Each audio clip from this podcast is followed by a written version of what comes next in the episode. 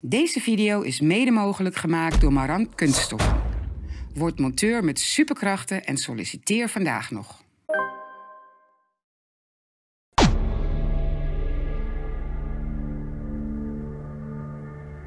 Goeiedag, welkom bij Café Welsmers. Mijn naam is Jora Vestali en ik praat vandaag met niemand minder dan Richard de Let. Richard, welkom. Dankjewel.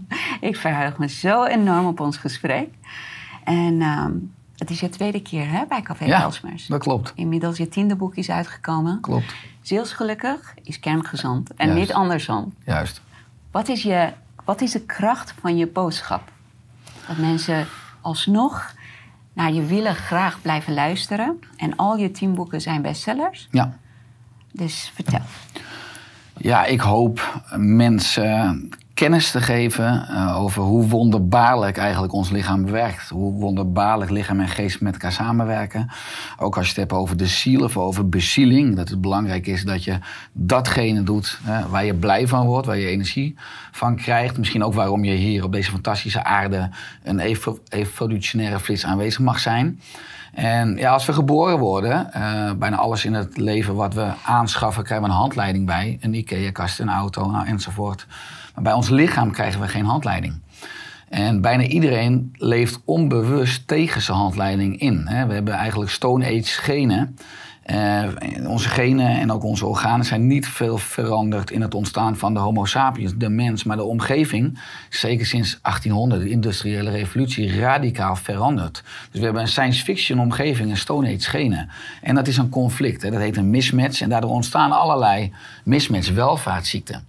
En ik ben eigenlijk opgeleid in de geneeskunde, omdat ik dacht, als je arts bent, dan kan je allerlei mensen ook beter maken. Je hebt veel contact met mensen. Je kan eigenlijk je verdiepen in de film van het leven, waardoor je snapt wat de oorzaak van de oorzaak is, wat de wortel is. En het zelfherstellend vermogen activeren. Nou, je bent vooral bezig in de reguliere geneeskunde met het symptoom. De reguliere geneeskunde vooral echt fantastisch op de acute geneeskunde. Maar met chronische aandoeningen kunnen we eigenlijk niets. Waar de moderne mensen nu enorm onder lijdt. De mensheid wordt ja, dikker, zwakker, zieker, dommer eigenlijk dan ooit. Ja, Uh, en ik wil eigenlijk weer een stukje wijsheid terugbrengen in die informatie en de kennis. Want de wijsheid lijken we compleet verloren. zelf nadenken, hè? dat is gewoon echt een eh, hele grote opgave. Ja, Maar je boek heet ehm, Zielsgelukkig is kerngezond en niet andersom. ja. Waarom? Nou, zielsgelukkig is kerngezond. Dus je lichaam hangt heel erg samen met leefstijl. En dus heeft invloed op de fysiologie, op de stofwisseling. Eh, je geest eh, kan natuurlijk beïnvloed met, met mindset en de psychologie. Maar de onzichtbare bestuurder van ja, lichaam en geest is de ziel. En dat vond ik dus fascinerend, omdat ik in mijn praktijk voor integrale geneeskunde ook zag dat ook als mensen gezond leven, dat ze alles goed doen op het gebied van voeding of supplementen en bewegen en, en, en meditatie en slaap, ook dingen goed doen op het gebied van de kracht van de mind en het doorbreken van negatieve overtuigingen. Uh, of het aangaan van trauma's, eh, ehm, emoties, maar ook je mindset eh, aan gaan pakken. Dat toch heel veel mensen nog klachten of signalen hielden. En ook al doe je de juiste leefstijl en de juiste denkstijlen als je, ik noem het als je niet op de weg van je hart bent. Dus als je in de verkeerde relatie zit als voorbeeld, of als je bij de verkeerde werkgever bent, waar je eigenlijk wat een grote energielek is, waar je eigenlijk alleen maar een soort gouden handboeien hebt en iedere maand dat salarisstrookje ervoor voor zorgt dat je blijft hangen. Slaafsvergoeding krijgt. Ja, maar niet je passie, eh, wat niet bij je hart aansluit. Wat misschien geen probleem is als je één dag in de week werkt, maar als je fulltime werkt en dus niet op de weg van je hart bent, dan kan je ziel ook eigenlijk ja, een biofeedback-mechanisme. In mijn optiek zijn alle klachten, alle signalen een biofeedback-mechanisme. Wat je wil laten weten dat, je, dat er iets uit balans is. Dat je misschien niet op de weg van je hart bent. Of dat je een onbalans hebt in je, in je eetpatroon, of in je beweegpatroon, of in je ontspanpatroon.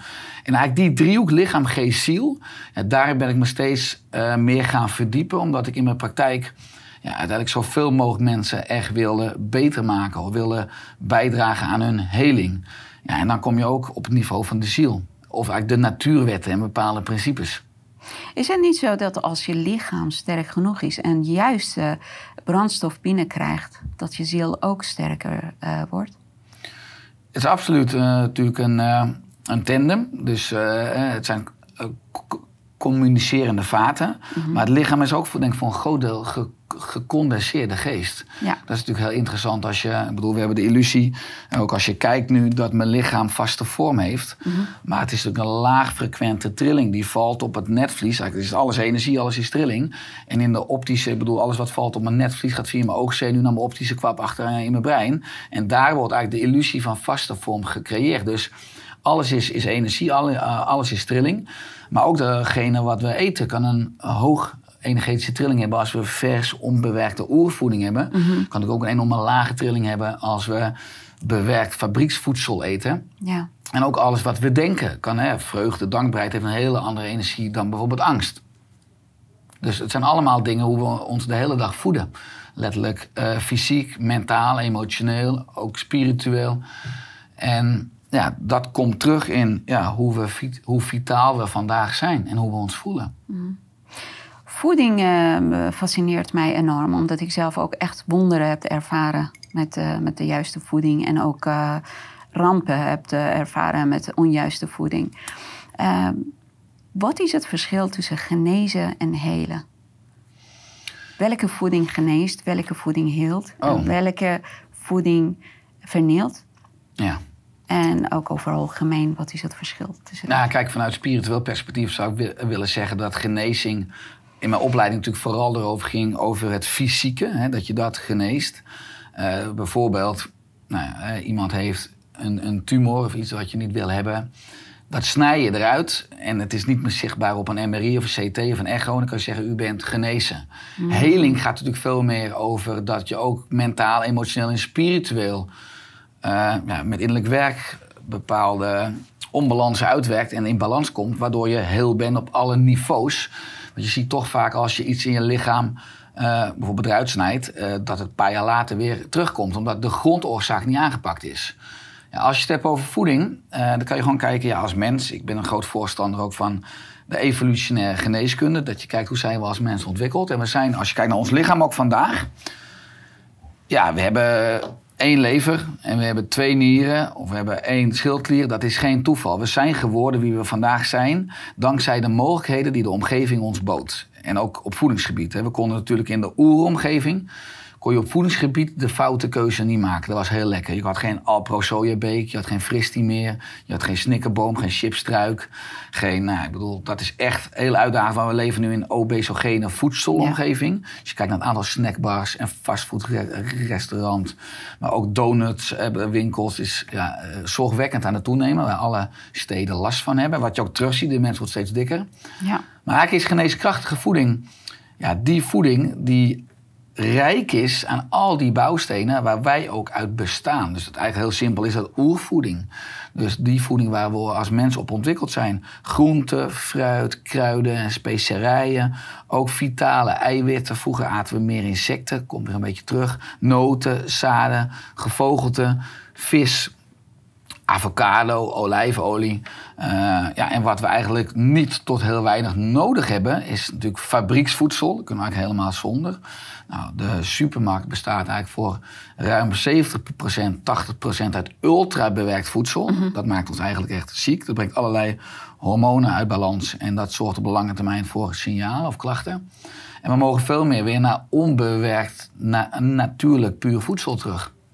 Maar heel veel van de dingen die wij als natuurlijk zien, die zijn man-made. Bijvoorbeeld broccoli, die wordt als een hele hoogwaardige groente beschouwen. Ja. Maar eh, broccoli komt niet vanzelf in natuur voor. Het is gewoon gemaakt door Ja. mensen. Ja. Of verschillende soorten appels. De appel die in de, eh, in de natuur voorkomt, is zo hard en met onze smaak van nu smakeloos. Ja. Die, die wil je echt niet eten. Maar eh, zelfs bij de boer heb je tien verschillende soorten appels. Ene lekkerder en sappiger dan die andere. Dus die zijn, die zijn allemaal ook voedingen die door mensen gemaakt en aangepast zijn. Dus die zijn ook geen oereten. Nee, dat klopt. Nou ja, we zijn als mensen enorm slim. Vanuit het perspectief, wij zijn dan nog iets anders slim. We hebben ons kunnen verspreiden over de hele wereld. Vooral ook omdat we samenwerken.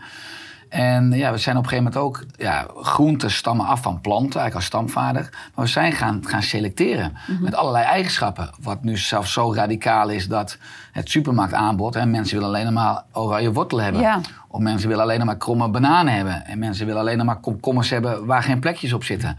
Terwijl uh, natuurlijk variaties heb je wortel in alle kleuren. En je ziet ook gewoon doordat we zo met, ook met, met de selectie van ons voedingsaanbod, ook dan natuurlijk, als je het hebt over groente en fruit, zijn gaan spelen. Dat het relatief veel zoeter is geworden. Veel meer ook de suikers en de koolhydraten. En dat de mens heeft eigenlijk een radicaal tekort aan essentiële eiwitten, aminozuren en aan vetzuren. We eten veel te veel koolhydraten. Ja. Gemiddeld zo'n 60, 70 procent. En dan heb ik het ook over brood, over pasta, over aardappelen, over rijst, over vruchtensap, over frisdranken. En we hebben veel te weinig eiwitten en veel te weinig gezonde vetten. En ja, ook als je vooral ook als boer of teler selecteert op groei. Ja, dan, en als het sneller groeit, zodat je sneller kan oogsten en weer kan verkopen. Dat gaat vooral eigenlijk ter positieve van de koolhydraten en eigenlijk ten nadele van de eiwitten in een voedingsmiddel. En dat zorgt ervoor dat de moderne mens eigenlijk ja, dus problemen heeft met het hormoon insuline en leptine. En omdat we eigenlijk leptine en insuline resistent zijn, heet dat, dus ongevoelig zijn voor die hormonen. Onder andere omdat we veel te veel koolhydraten eten. En omdat we vier tot zes tot acht keer per dag eten, waar onze genen ook geen bal van snappen. En zijn we dus insuline ongevoelig geworden. En insuline is weer bijvoorbeeld heel belangrijk voor het immuunsysteem. En dat zorgt ervoor dat we de laatste twee jaar door een relatief mild virus enorm in de problemen zijn gekomen. Want is natuurlijk, ja, de vraag is, is het virus het probleem of de verzwakte gastheer?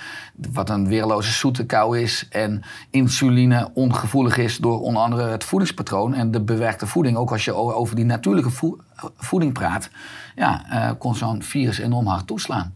Ja, het is wel eh, grappig dat eh, tegenwoordig leuke tijd hebben is gewoon eigenlijk een andere benoeming van je lichaam vergiftigen.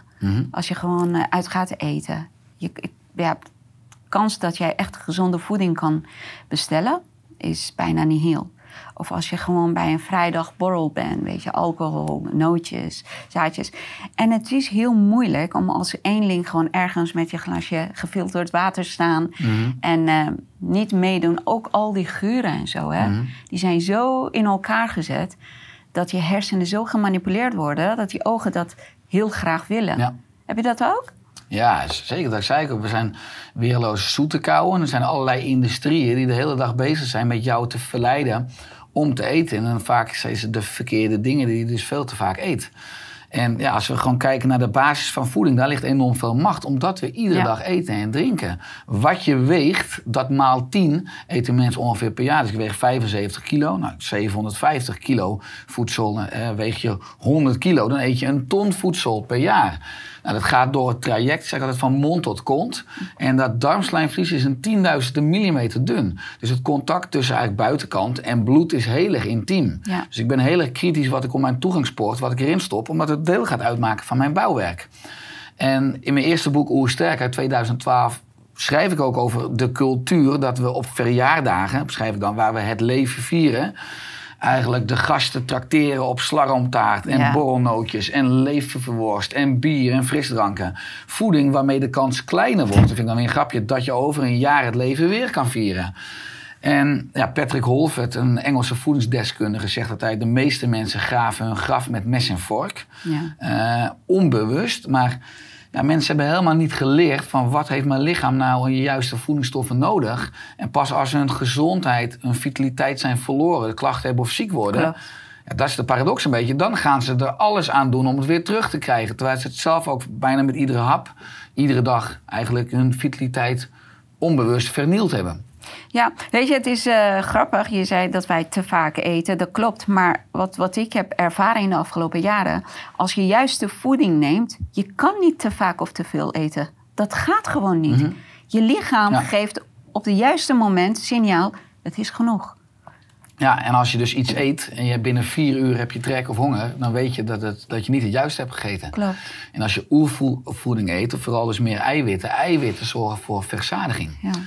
Dat je ja, gewoon eh, lang. Dus bijvoorbeeld als ik, als ik ook zou ontbijten, wat ik vroeg, vroeger deed met een broodje hagelslag, heerlijk, en ook een broodje jam. Of Nutella, ja, dan weet je gewoon dat je anderhalf uur later weer trek hebt. En daarom nemen mensen een koekje bij de koffie. En om elf uur weer lekker een snelle yellow of zo'n kweker. En maar zijn we, zijn we zes tot acht keer per dag eigenlijk aan het eten. Wat de industrie ook wil, van hou het motortje maar draaiende. Want hoe vaker je eet, hoe vaker je boodschappen doet... en hoe meer de economie eigenlijk erachter draait... Maar heel onlogisch, ook als je kijkt naar hoe we als mens eigenlijk ontstaan zijn. En op het niveau van de stofwisseling zorgt ook te vaak eten en de verkeerde dingen eten. Dus voor laaggradige ontsteking. Dus dat het immuunsysteem chronisch geactiveerd wordt. Want het darmslijmvlies is dus heel dun, wat ik net zei. Maar de verkeerde voeding, of ook suikerrijk voedsel, of iedere dag brood aan gluten, gaat het darmslijmvlies irriteren. En dat wordt dan ja, beschadigd, hè, dat wordt lek of wat verhoogd doorlaatbaar. Dan komen wat grotere eigenlijk eiwitdeeltjes, partikels, kunnen de bloedbaan inlekken. Maar ook dus bacteriën, want er zitten allemaal bacteriën in je darmen, komen in het bloed. En dan gaat het immuunsysteem op reageren. Dat is fantastisch. Maar als je darm continu lek is of continu lek gemaakt wordt omdat je iedere dag de verkeerde voeding eet, dan kan het immuunsysteem zichzelf niet meer uitzetten. En eigenlijk langer dan 42 dagen. En dat is een laaggradige ontsteking. En dat is eigenlijk weer de rode loper naar alle westerse welvaartsziekten. Dus willen we als maatschappij, als collectief ook gezonder worden, sterker worden, ook een sterker immuunsysteem, dan moeten we al ja, die darm, eigenlijk celleiding, die darmwand weer gaan helen. En dan komen we ook weer terug van, ja, wat eten we vandaag? En hoe vaak eten we vandaag? Nou, weet je, het is een, uh, zeg maar, mainstream eten is bij mensen zo ingepraat dat uh, soms lijkt het of, of het jou niet gaat lukken om mensen ervan kunnen overtuigen dat ze met zelfmoord bezig zijn. Ja. En dat vind ik heel pijnlijk. Mm Dr. Natasha Campbell heeft ook een hele mooie boek hierover, hè? die uh, Gap Diet. Ja. Ik heb haar ook geïnterviewd. En wat mij opvalt, dat dat interview wordt nauwelijks gekeken. Want je wordt geconfronteerd met alles wat je fout doet. Ja. En dat, dan, dat vinden mensen blijkbaar niet fijn. Nou ja, kijk, het is interessant ook als je gaat kijken dat wat je eet ook samenhangt met je zelfwaarde of met zelfliefde. je eet alleen een rotte appel als je een rotte appel voelt. Dus heel veel mensen die ja, zeg maar, ook emotionele, mentale issues hebben op de achtergrond, onrust, angst, stress. Ja, dat is ook heel erg makkelijk om dat te verdoven met kunstmatig voedsel. Omdat, ja, zoet, eigenlijk zijn veel mensen vaak op zoek naar ander zoet in menselijke verbinding. Verbonden zijn met je hart, een levensdoel. Maar ook gewoon kunstmatig zoet is ook zoet. Wat je natuurlijk krijgt als je weer, nou ja, dat dropje pakt, dat koekje pakt, weer een glas frisdrank neemt. Maar we worden zeker als maatschappij totaal niet begeleid. Uh, zeg maar, ja, richting de eiwitten en de vetten. Het is natuurlijk vooral richting de koolhydraten. En uh, en dat sluit aan ook bij onze oerbrein. We hebben een instinct voor zoet en zout. Dus dat is een evolutionaire erfenis. Dat is een instinct wat altijd een voordeel is geweest in een natuurlijke omgeving, de oeromgeving. Daar waren lange perioden van schaarste. Dus bepaalde smaken, zoet, fruit, hoog calorische smaken, maar ook zout, wat vaak ook in zeevoedsel zat, wat ook rijk was aan energie. Daar heeft de evolutie al een soort beloning in ons brein aangehangen. Want eet dat nou, dat geeft een soort van veel energie. Dat vergroot je overlevingskans, maar je weet niet over een week of over een maand of er nog voldoende voedsel is. Dus in een natuurlijke omgeving fantastisch. Alleen het instinct hebben we ook nu in een onnatuurlijke omgeving, de moderne maatschappij.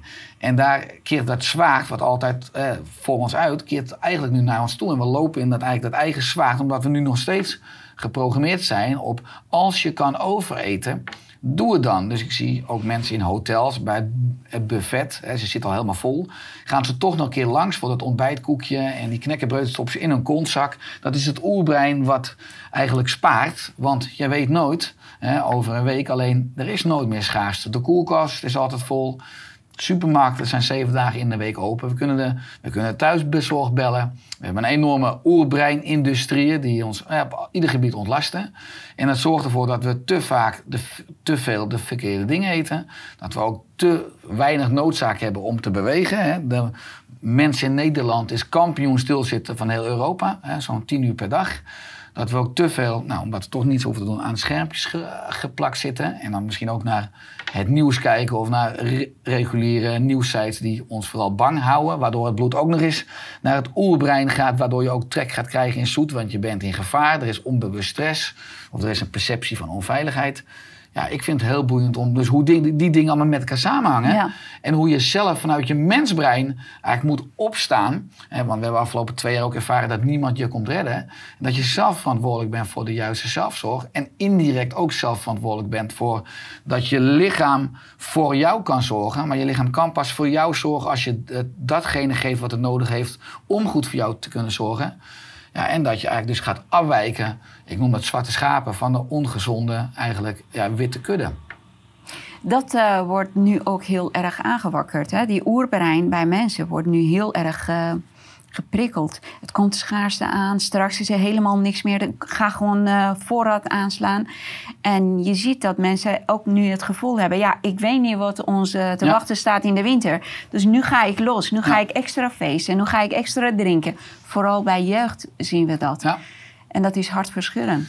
Ja, dat is echt heel erg. Ja, ik kan me voorstellen dat veel jeugd ook nog wel wat wil compenseren van de Ja. laatste twee jaar. Want het is natuurlijk in en in triest dat we ook die generatie gewoon eh, eh, niet hebben laten leven. Eh, dat we ten koste van ja, een enorm zwakkere groep ja, het hele ma- maatschappelijke leven op zijn gat gegooid hebben. Maar ja, wat je zegt is waar. Dat is uiteindelijk ook een maatschappelijk. Dus, dus ook als je kijkt naar dus dikke mensen. Er zijn 52% van de Nederlanders is te dik. Dus al meer dan de helft. Nou, je ziet dat enorm toenemen. Dus, dus de slanke mens is aan het uitsterven. Nou, nu hebben 10,2 miljoen mensen een chronische ziekte. Dus dat is ook al nou ja, eh, ruim de helft. En die cijfers zie je alleen maar eigenlijk toenemen. Toen ik besloot mijn eerste boek te gaan schrijven, eind 2011, waren 5,3 miljoen mensen chronisch ziek. Ook als je kijkt naar zorgkosten, we zijn nu door 100 Ja. mil- een miljard over. Dus de huidige weg loopt letterlijk dood. En we hebben ook vanuit, ja, ook wat mij betreft, het ministerie van Volksgezondheid, want we hebben geen gezondheidszorg. We hebben ongezondheidszorg. Er is alleen maar aandacht vanaf het moment dat er ziekte is. Maar daarvoor, als je het hebt over preventie en leefstijl, is er geen systeem. We hebben ook geen onafhankelijk leefstijlcentrum. We hebben in mijn optiek een commercieel voedingscentrum met een schietschijf van vijf, hoe ik het altijd noem. Eh, en met Oersterk ja, is het mijn missie om ja, eigenlijk dat gemis aan dat onafhankelijk leefstijlcentrum, om dat gat op te vullen en mensen de juiste informatie en handvatten te geven, zodat ze betere keuzes kunnen maken. Want ons lichaam wordt iedere drie maanden eigenlijk helemaal weer opnieuw opgebouwd, behalve het bot, hè, dat duurt zeven jaar. Maar als ik hier over drie maanden weer op deze stoel zou zitten, dan zit, zit hier een nieuwe omhulling. En er ligt heel veel macht dus bij voeding, want wat je vandaag eet, is letterlijk communicatie. Dat praat met je darmbacteriën, praat met je hormonen, praat met je brein. En leidt ook weer tot vernieuwing van alle onderdelen. En als je gewoon beter gaat eten, ja, dan ontstaat ook weer letterlijk een betere, sterkere versie van jezelf, van je lijf. Oké, nu kom ik gewoon met een eh, hele eh, praktische vraag. Wat en hoe eet jij elke dag, per dag? Ja, dat is een goede praktische vraag. Eh, nou, ik heb ook twee kinderen, twee zoons. Noah van 12 en James van 3. Leuk, leuke leeftijden. Een hele leuke leeftijd. Dat houdt, houdt ons, mijn vrouw en ik, enorm flexibel. Dus Ja, dat is echt heel leuk. Ik ben enorm dankbaar. Maar ja, die zijn gek van bananenpannenkoeken. Mm. Dus ik maak vaak 's morgens dan eh bananenpannenkoeken. Dus dat is één banaan en één ei qua verhouding. Dus vaak vijf bananen en eh, vijf eieren. We hebben ook eigen kipjes in de tuin eh, lopen. En een beetje kaneel erbij. Theelepeltje gewoon erin. Ik, eh, en eh, blender, staafmixer erin. En eh, nou, dan vaak ook, want bijvoorbeeld de jongste houdt bijvoorbeeld niet echt van spinazie nu. Ze doen er vaak ook een handje spinazie bij. En dan is het een monster pannenkoek, is het een pannenkoek groen. Maar dat zie je natuurlijk niet meer dat, spana- dat spinazie is. Nou, in de koekenpan een klein beetje roomboter. En daar doe ik dan eh, ja, dat, eh, dat bij. En dan maak ik eh, een aantal bananenpannenkoeken voor de jongens. Dan heb je dus koolhydraten uit banaan. Je hebt, je hebt eiwitten uit het ei. Ook nou ja, het, het specerij erin dat zorgt dat je bloedsuiker niet te snel stijgt. Cinnamon en roomboter qua goede vetten. En ja, dat, dat geef ik dan bijvoorbeeld qua ontbijt. Of ik neem eh, twee handjes noten en, eh, en, en twee eitjes die ik kook. Eh, ik sla trouwens wel denk ik drie, vier ochtenden in de week mijn ontbijt over. Mijn zoons dan niet, die ontbijten graag. Of we hebben rijstewafels, of we hebben boekwijdcrackers. en dan doe ik nou, roomboter op, of avocado, of ei, of kipfilet, of amandelpasta, of gemengde notenpasta. Of ik maak een omeletje, wat ik ook erg lekker vind. Ik zou de hele dag ook wel warm kunnen eten. Ik, ben eigenlijk een, ja, ik vind warm eten lekkerder dan, dan brood. Ik. Dus als je s'avonds gewoon, gewoon wat extra maakt bij je avondeten, wat ik heel graag doe, gewoon wat extra, dan kan je dat bijvoorbeeld voor je lunch, dag erna, of voor je ontbijt, kan je dat ook weer eten. Dat doe ik ook graag. Nou, dat zijn allemaal opties. Of ik maak een groene smoothie. Dus uh, een uh, mango, uh, ananas, een avocado, een lepeltje kokosolie erin. kokosolie is ook echt fantastisch. is een medium chain uh. Dus het is eigenlijk een, een verzadigd vet, waar mensen bang voor zijn, ten onrechte. Maar een, mi middellange vetzuurketen. Ja, wat ook enorm goed gebruikt kan worden als brandstof, maar ook enorm helend is op dat darmslijmvlies waar ik eerder over sprak. Maar dat zijn ja, veel variaties die wij thuis gebruiken. Dus ik heb zelf eigenlijk altijd over de drie dagen regel. Zorg voor drie favoriete ontbijtjes. Dus eigenlijk eet niet iedere dag brood, want dat doet de moderne mens. Iedere dag kwark of iedere dag brood. Dat is beide geen optimale mensvoeding. Eet dat maximaal één keer per drie dagen. En eet op dag twee en dag drie iets anders. En op dag één bijvoorbeeld weer brood of kwark als je dat eet. En als je zorgt voor variatie, dan zorg je ook ervoor, enerzijds dat je alle voedingsstoffen optimaal binnenkrijgt. En anderzijds ook dat de kans op voedselovergevoeligheden of allergieën, wat mhm. steeds meer toeneemt, ja. dat je die kans ook beperkt. Want de moderne mens eet gewoon, eigenlijk eenzijdigheid is eigenlijk het grootste voedingsprobleem. Eet maar 30, 40 verschillende dingen per maand. En dat zouden er eigenlijk minimaal 100 mogen zijn. Dus uh, van wat ik hoor, je eet bijna alles. Alles wat. Ja. ik heb het niet over chocola en snoepjes. Nou, ik ben gek op puur chocola. Ja. Puur gewoon ja. 100 procent? Nee, nou, ik dat heb is niet 92. 100 vind ik ook lekker hoor. Maar dat is soms een uitdaging om het te krijgen. Maar je ziet ook dat de moderne mens is een zoete kou. En overal zit suiker in. Dus eigenlijk melkchocola is natuurlijk geen chocola. Het is gewoon ja, een reep suiker. Uh, dus dat is de kunst dat ook de smaakreceptoren op de tong kan je ook in 12 dagen weer reprogrammeren. Ja, klopt. Dus als je bijvoorbeeld suiker in je thee of je koffie hebt of je eet veel melkchocola en je gaat puur eten of je gaat een kopje koffie of thee zonder suiker nemen, dan vind je dat de eerste 12 dagen helemaal niet lekker. Mhm. En weer je het ook af. En de meeste mensen zeggen dan na vijf, zes dagen al, nou ik stop ermee. Ik heb het geprobeerd nu vijf dagen, het is niet lekker. Ik begin, maar je moet eigenlijk minimaal twee weken. En na twee weken zijn je smaakpapillen ook weer opnieuw aangemaakt, zijn eraan gewend. En ik had vroeger ook drie scheppen suiker in mijn thee. Uh, en nu heb ik geen suiker. En nu als iemand een schepje erin zou doen, zou ik het juist afweren. Omdat het zo zoet is, nou, dat vind ik ook niet meer lekker. Dus dat is ook... We zijn hartstikke plastisch, heet dat. Alles is reprogrammeerbaar totdat je dood bent. Dus dat is een hoopvolle boodschap. Alleen we mogen onszelf veel meer uitdagen. Ja, ik weet nog, ik heb uh, laatst was ik op verjaardag uh, van een van mensen die mij heel erg dierbaar is. En ze uh, gingen gewoon echt erop hameren. Je moet, je moet gewoon een stukje taart nemen. Je moet een stukje taart nemen. Ik zei, ah, weet je, oké. Ik vond het ook niet eens lekker, weet je. Ik, ik heb, al zo lang geen taart gegeten. Dus ik heb één hap genomen. En iedereen had, wauw, wat een lekkere taart, wat dit, wat dat. En het enige wat ik proefde was gewoon chemicaliën. Ja. Extreme zoetheid. Ja, veel suiker, ja. Ik, ik kon het niet eens doorslikken. Dus ik heb gewoon na één hap zei ik, nou weet je, ik stop ermee, want het is voor mij echt lijden. Dus dat klopt, want ik was vroeger, ik heb het over 10, 12 jaar geleden, was ik gewoon een zoete kou. Ja. Ik hield van suiker. En had je andere voedingsbehoeftes en keuzes. Dat vind ik heel interessant. Dat als je enorm bewerkt eet, dan verandert de samenstelling van je darmbacteriën. Mhm. En die darmbacteriën maken ook allerlei stofjes aan. En die, die communiceren met je, met je immuuncellen. Die communiceren in je darm met je zenuwstelsel. En als je heel bewerkt eet, dan veranderen die bacteriën in je darm. En die zorgen ook dat je minder gevoelig wordt voor leptine. Ja. En daardoor gaan die, die maken stofjes aan. En die gaan ook naar het brein. Die je eigenlijk trek geven in bewerkt voedsel. Dus bewerkt voedsel zorgt voor een negatieve verandering van de darmbacteriën, die de kans groter maken dat je weer het verkeerde gaat eten. Ja. Dus een negatief vicieuze cirkel. Terwijl als je weer gezonder gaat eten, want normaal voeding is communicatie, dan verander je die samenstelling van die bacteriën positief. Dus als je natuurlijk eet, dan heb je veel meer trek in natuurlijke voedingsmiddelen. Dus als je dan de keuze hebt tussen een appel en een melkchocoladereep, zal je voor die appel gaan. Wat evolutionair een hele rare keuze is. Want evolutionair vanuit energie bekeken zou je eerder voor die melkchocoladereep gaan. Want dat geeft je zoveel mogelijk energie in zo min mogelijk tijd. Dus dat is een voordeel geweest in de natuurlijke omgeving. Alleen in de natuurlijke omgeving is er geen melkchocola. Dus daarom moeten we buitensporig veel wilskracht hebben. En moet je in mijn optiek ook verdiepen in voeding en leefstijl.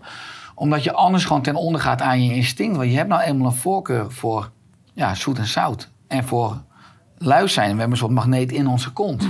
en voor prikkels, wat gekaapt nu de hele dag wordt door die notificaties op schermpjes. En allemaal instincten die in die oeromgeving voordelig waren, maar nogmaals nu zich tegen ons keren. En die zorgen dat nou, de zorgkosten radicaal toenemen. En dat de kwaliteit van leven, wat mijn eigenlijk uh, focuspunt is, gewoon steeds meer afneemt. En dat vind ik enorm zorgelijk. En daarom blijf ik op die barricade staan. Ja. Het blijft interessant. Ik heb, uh, ik heb zelf heel veel kunnen bereiken met. Uh, want we, we worden opgegroeid met een um, fobie naar vet. Mm. En naar uh, te veel eiwitten zijn slecht. Ja. Maar blijkbaar, we krijgen sowieso niet genoeg eiwitten binnen. Nee, de meeste mensen krijgen onvoldoende eiwitten binnen. De meeste mensen eten te weinig vitale vetten. Want ja, vetten, ook als ik hier nu zit, het is de beste brandstof. We kunnen veel meer energie halen uit vet dan uit koolhydraten, uit suikers. Dus we zijn ten onrechte, dat vind ik ook in de voedingsleer. Ja, er zijn zoveel dwalingen geweest. In de jaren 60, 70 zijn we in de diëtiek vermijd vetten als je niet dik wil worden. En nu zeggen ze inmiddels ga vet eten als je slank wil, wil worden. Ja, dat vind ik toch een fantastische grap. Of dat we ook nog, nog, nog ineens zo lang geleden die stroming hebben gehad dat ook met, met, met vrouwen die net bevallen waren, dat we zeiden van ja, liever geen borstvoeding, ga maar flesvoeding geven, want dan weten we precies wat erin zit. Terwijl borstvoeding is ook vooral radicaal rijk aan vetten.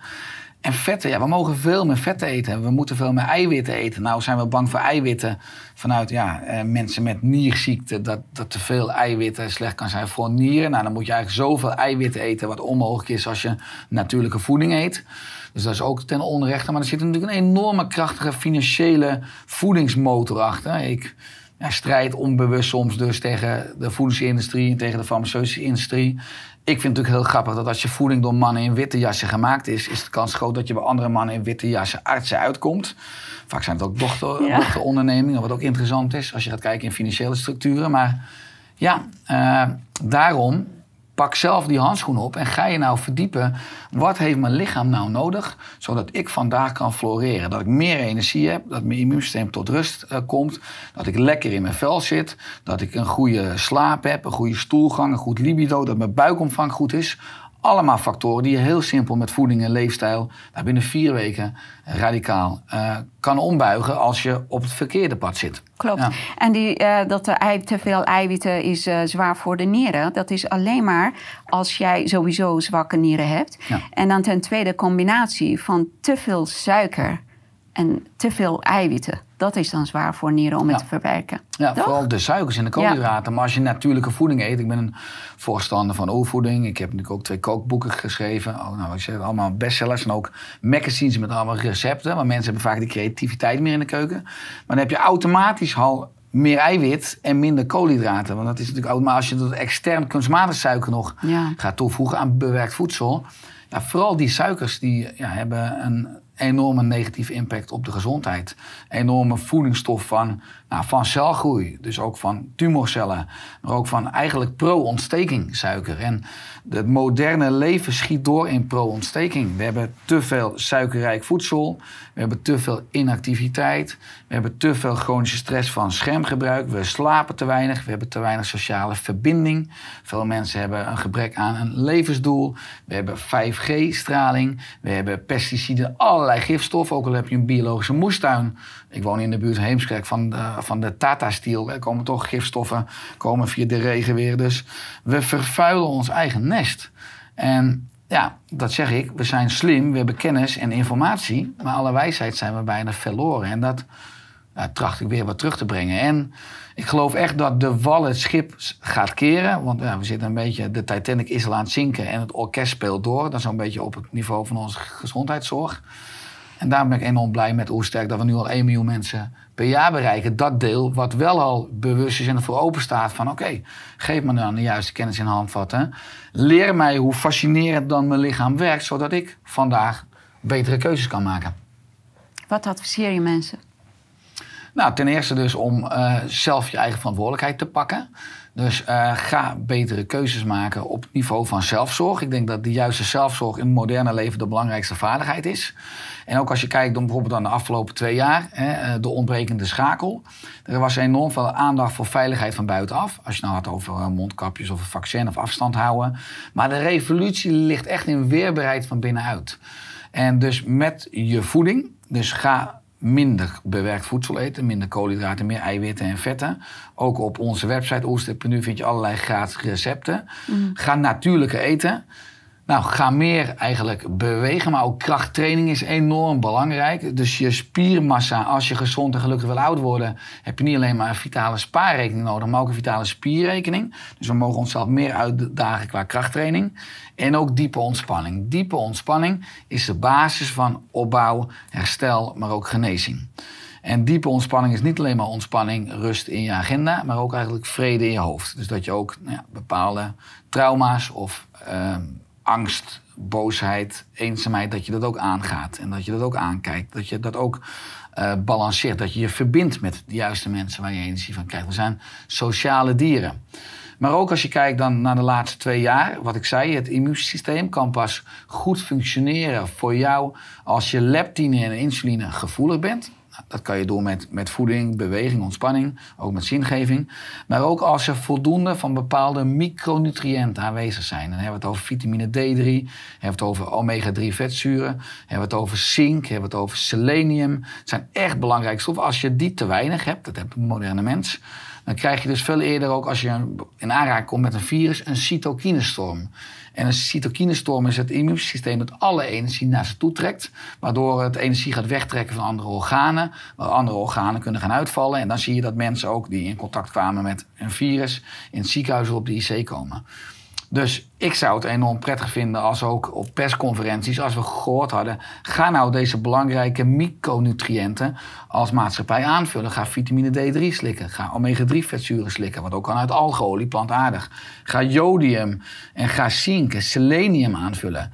Want als je daar een hogere concentratie hebt in je bloed en je komt in aanraking met, of nou bacteriën, virus of een parasiet is, dan gaat het immuunsysteem enorm veel van deze stoffen gebruiken. Maar je moet eigenlijk niet onder een ondergrens komen, want onder die ondergrens kan je in problemen komen. En de moderne mens heeft relatief veel te weinig, waardoor je die onder de ondergrens gaat. Maar als je gewoon gaat slikken, dan zit je ruim boven de ondergrens en dan kom je eigenlijk niet in de problemen. En de supplementen zijn ook echt, nou, in mijn optiek noodzakelijk, geen luxe.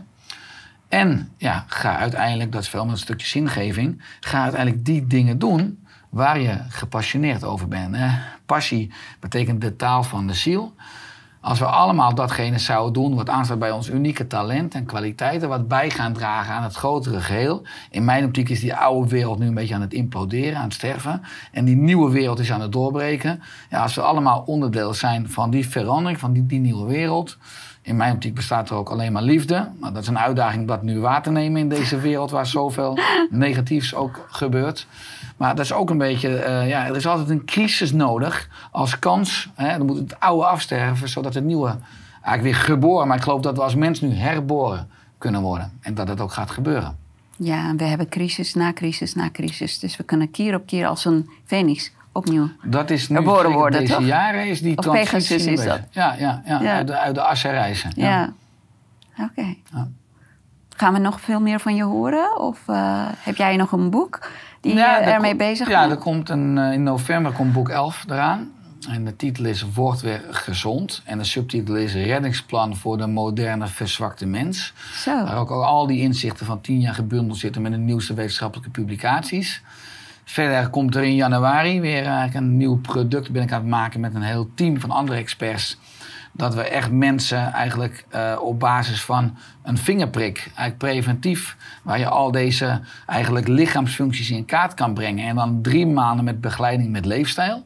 En dat we dan na drie maanden weer een vingerprikje doen, waardoor je precies, en die informatie blijft alleen maar bij de persoon hoor. Dat wordt- Je moet altijd oppassen met data, dat het niet bij de Ja. verkeerde partijen komt. Eh, maar dan kan je na drie maanden zien hè, hoe gezonder, ook letterlijk meetbaar. Mensen gaan het uiteraard voelen. Mensen gaan het ook klinisch terugzien aan, aan bijvoorbeeld buikomvang en allerlei andere. Of huidharen. hè. Alles wordt vitaler. Maar ook in het bloed dat hè, het insuline of het leptine en dat het immuunsysteem weer meer in balans is. Dat product gaan we in januari la- lanceren. Ja, verder, eh, ik blijf blog schrijven. Ik heb de Oerstek podcast om de week. Eh, ik ga naar Mallorca toe, 11 maanden. Maar ik heb al tot en met augustus vorig jaar al opgenomen. Dus het staat op de band. Dus, en iedere zaterdagochtend is er een nieuwsbrief. Al 10 jaar. Iedere ochtend tussen 6 en 7 komt die bij mensen in de mailbox. Al meer dan 100.000 mensen. Ik word natuurlijk geband op social media. Als je het hebt over censuur. Ik heb daar weer een shadowband te pakken. Dus mijn bereik Mm, ja, is... eh, en niet heel, omdat ik natuurlijk ja, een heel breed perspectief heb. Want ik ben op zoek naar de waarheid, maar die laat zich niet vangen. Dus ik deel allerlei perspectieven, zodat mensen daar een eigen waarheid in kunnen vinden met wat resoneert. En mijn nieuwsbrief is gelukkig nog een ongecensureerd podium. net als hier, dat ik graag van dit soort podia gebruik maak. Maar ja, ik zal in ieder geval mijn passie en mijn liefde voor het lichaam, voor de natuur, voor het leven, via allerlei kanalen blijven delen. Dankjewel. Dankjewel. En je kan wel weer terug, toch? Met liefde, heel graag. Ja, hey. dankjewel. Dankjewel, alle goed. Lieve mensen, bedankt voor het kijken. En uh, ik ga je boek lezen. Die laatste boek. En ik kan niet wachten tot, uh, tot de elfde boek ook uit is. Die ga ik ook lezen. En bedankt voor alles wat je doet. Dankjewel, met liefde. En jullie ook bedankt voor het kijken. En ik zie jullie graag volgende keer.